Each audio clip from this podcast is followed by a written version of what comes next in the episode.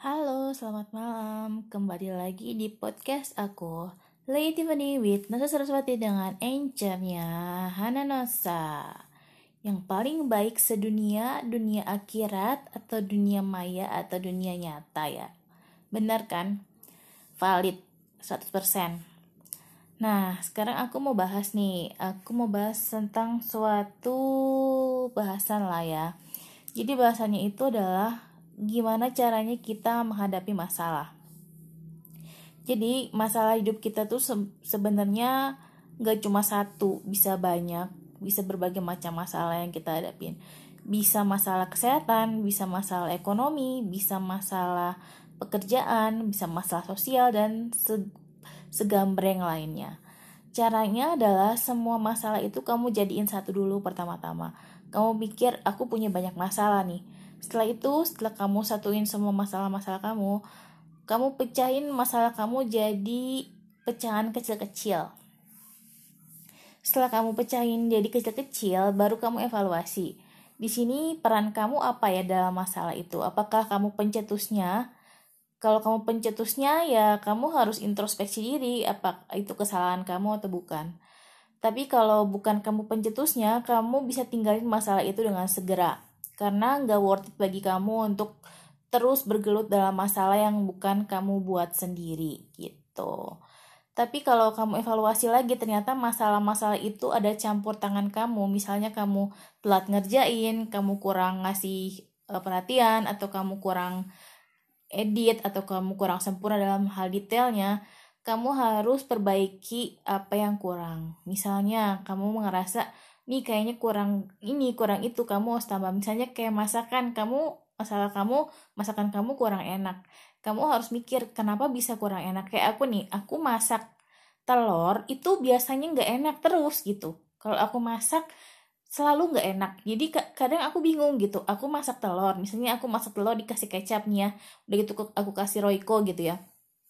Tapi nggak enak dan sering banget gitu sering banget kayak gitu jadi kalau ini masalah ini masih belum terpecahkan sih sampai sekarang. Jadi aku masih gak ngerti letak kesalahannya di mana uh, salahnya di mana aku sampai uh, makan masakanku nggak enak.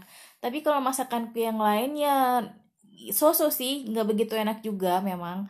Tapi kalau aku sih e, bisa menikmati lah masakan aku. Kadang gini aku masak kebanyakan minyak. Misalnya minyaknya nyerap ke yang digoreng atau masak masakannya keasinan atau masakannya kemanisan atau kepedesan atau nggak cocok lagi itu tapi aku nggak tahu nih apa aku nggak mood waktu ngerjainnya atau gimana. Tapi biasanya masakan yang nggak enak itu yang unplanned sih jadi yang nggak direncanain mau dibikin.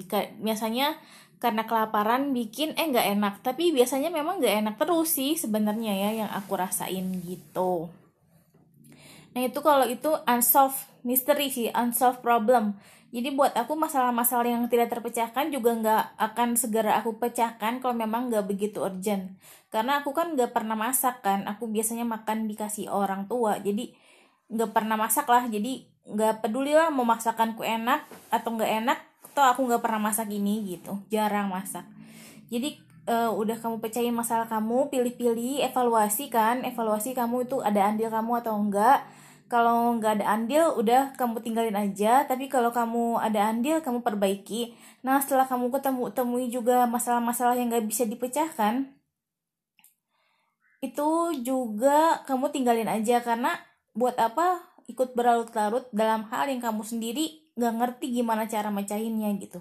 Nah ini misteri buat aku sih. Kenapa aku kalau bikin telur apalagi telur kasih kecap dikasih royco itu biasanya nggak enak gitu aku kadang suka kesal sendiri padahal di bayanganku wah rasanya bakal seperti ini enaknya gitu. Tapi ternyata pas dirasain tuh kayaknya kok gini ya rasanya ya? Kok kayaknya nggak pas deh. Pokoknya sering banget lah kayak gitu. Misalnya nih kayak aku bikin nasi goreng ternyata habis itu malah sakit perut gitu. Mencet mencret jadi aku juga bingung apa aku kurang bersih atau gimana gitu. Jadi hmm, aku tuh nggak bisa banget lah masak uh, belum begitu mahir aku bisanya masak hal-hal yang uh, udah aku rencanain atau aku tahu uh, apa resepnya gimana. Tapi kalau yang gak di planning itu biasanya masakannya kacau dan mau nggak mau ya harus dimakan sih gitu. Yang makan juga ya kita aja sendiri. Kadang kalau masakanku nggak enak aku juga kan nggak enak apa aku harus ngasih orang tuaku atau gimana. Tapi biasanya sih gitu. Jadi kebanyakan masalahnya di situ. Dan itu kadang memang membuat uh, rasa tidak percaya diri ya. Misalnya uh, misalnya nih aku udah niat masak nih aku udah aku dalam pikiranku masakanku enak gitu. Masakanku nikmat banget karena udah ketawa telur dikasih kecap dikasih royco gitu pasti rasanya gimana?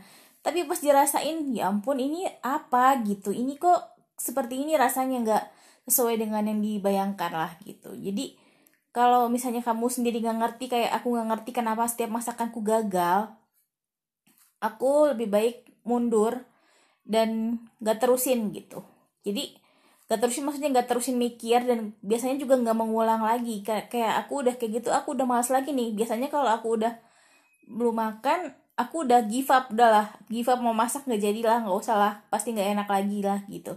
Jadi aku milihnya itu makan makanan yang ada biasanya gitu. Jadi kalau aku udah give up dengan masalah masak memasak ini aku biasanya udah deh angkat tangan nggak mau uh, buang-buang bahan makanan yang harganya juga pasti nggak murah ya dan nggak mahal juga. Tapi aku nggak mau buang-buang bahan makanan dan aku juga trauma gitu untuk e, makan masakan yang gak enak gitu. Tapi kalau kayak adik aku juga kadang memang seperti itu juga sih kayak e, apa ya sesuatu yang gak sesuai ekspektasi nih. Misalnya kayak aku dulu pernah masak nih sama adik aku kan. Masak apa ya eh ini nih uh, apa garlic bread gitu ya. Kan kita pernah bikin garlic bread di rumah. Nah memang kayaknya uh, gimana rasanya kurang, kurang rasanya kurang pas. Padahal kita udah berusaha nih tapi uh, agak gimana ya di lidah itu kurang pas lah. Nah itu juga salah satu yang unplanned sih. Jadi kita berdua coba masak tapi nggak sesuai dengan uh, ekspektasi gitu. Biasanya aku kalau udah kayak gitu malas untuk ngulang dan aku juga nggak mau lah untuk mengulang dan nggak mau capek-capek uh, masak lagi gitu. Biasanya sih kalau kayak gitu aku lebih ke um, masak emak makan yang ada makan yang ada dan biasanya memang apa ya masakan orang tua udah yang paling enak sih gitu. Karena kayak orang tua aku tuh jarang pakai MSG kan. Jadi masakannya tuh bener-bener menyenangkan untuk dimakan gitu. Gitulah pokoknya. Ya kadang sedih juga sih kadang kalau dia hadapin dengan kondisi seperti itu ya. Perasaan niatku baik deh tapi kok jadi gini gitu kan. Nah gitu aja. Tapi ya udah kalau udah kejadian kayak gitu gak usah dipikirin karena kamu ke dunia ini bukan cuman untuk masak gitu. Ada orang lain yang jago masak biarin mereka yang masak tapi kalau kamu ngerasa kamu memang pengennya masak ya jalanin sih. Tapi kayak aku gitu aku nggak begitu niat sih karena selalu banyak yang gagal dalam mas dalam hal masakanku itu gitu. Jadi aku udah uh, apa give up itu apa ya?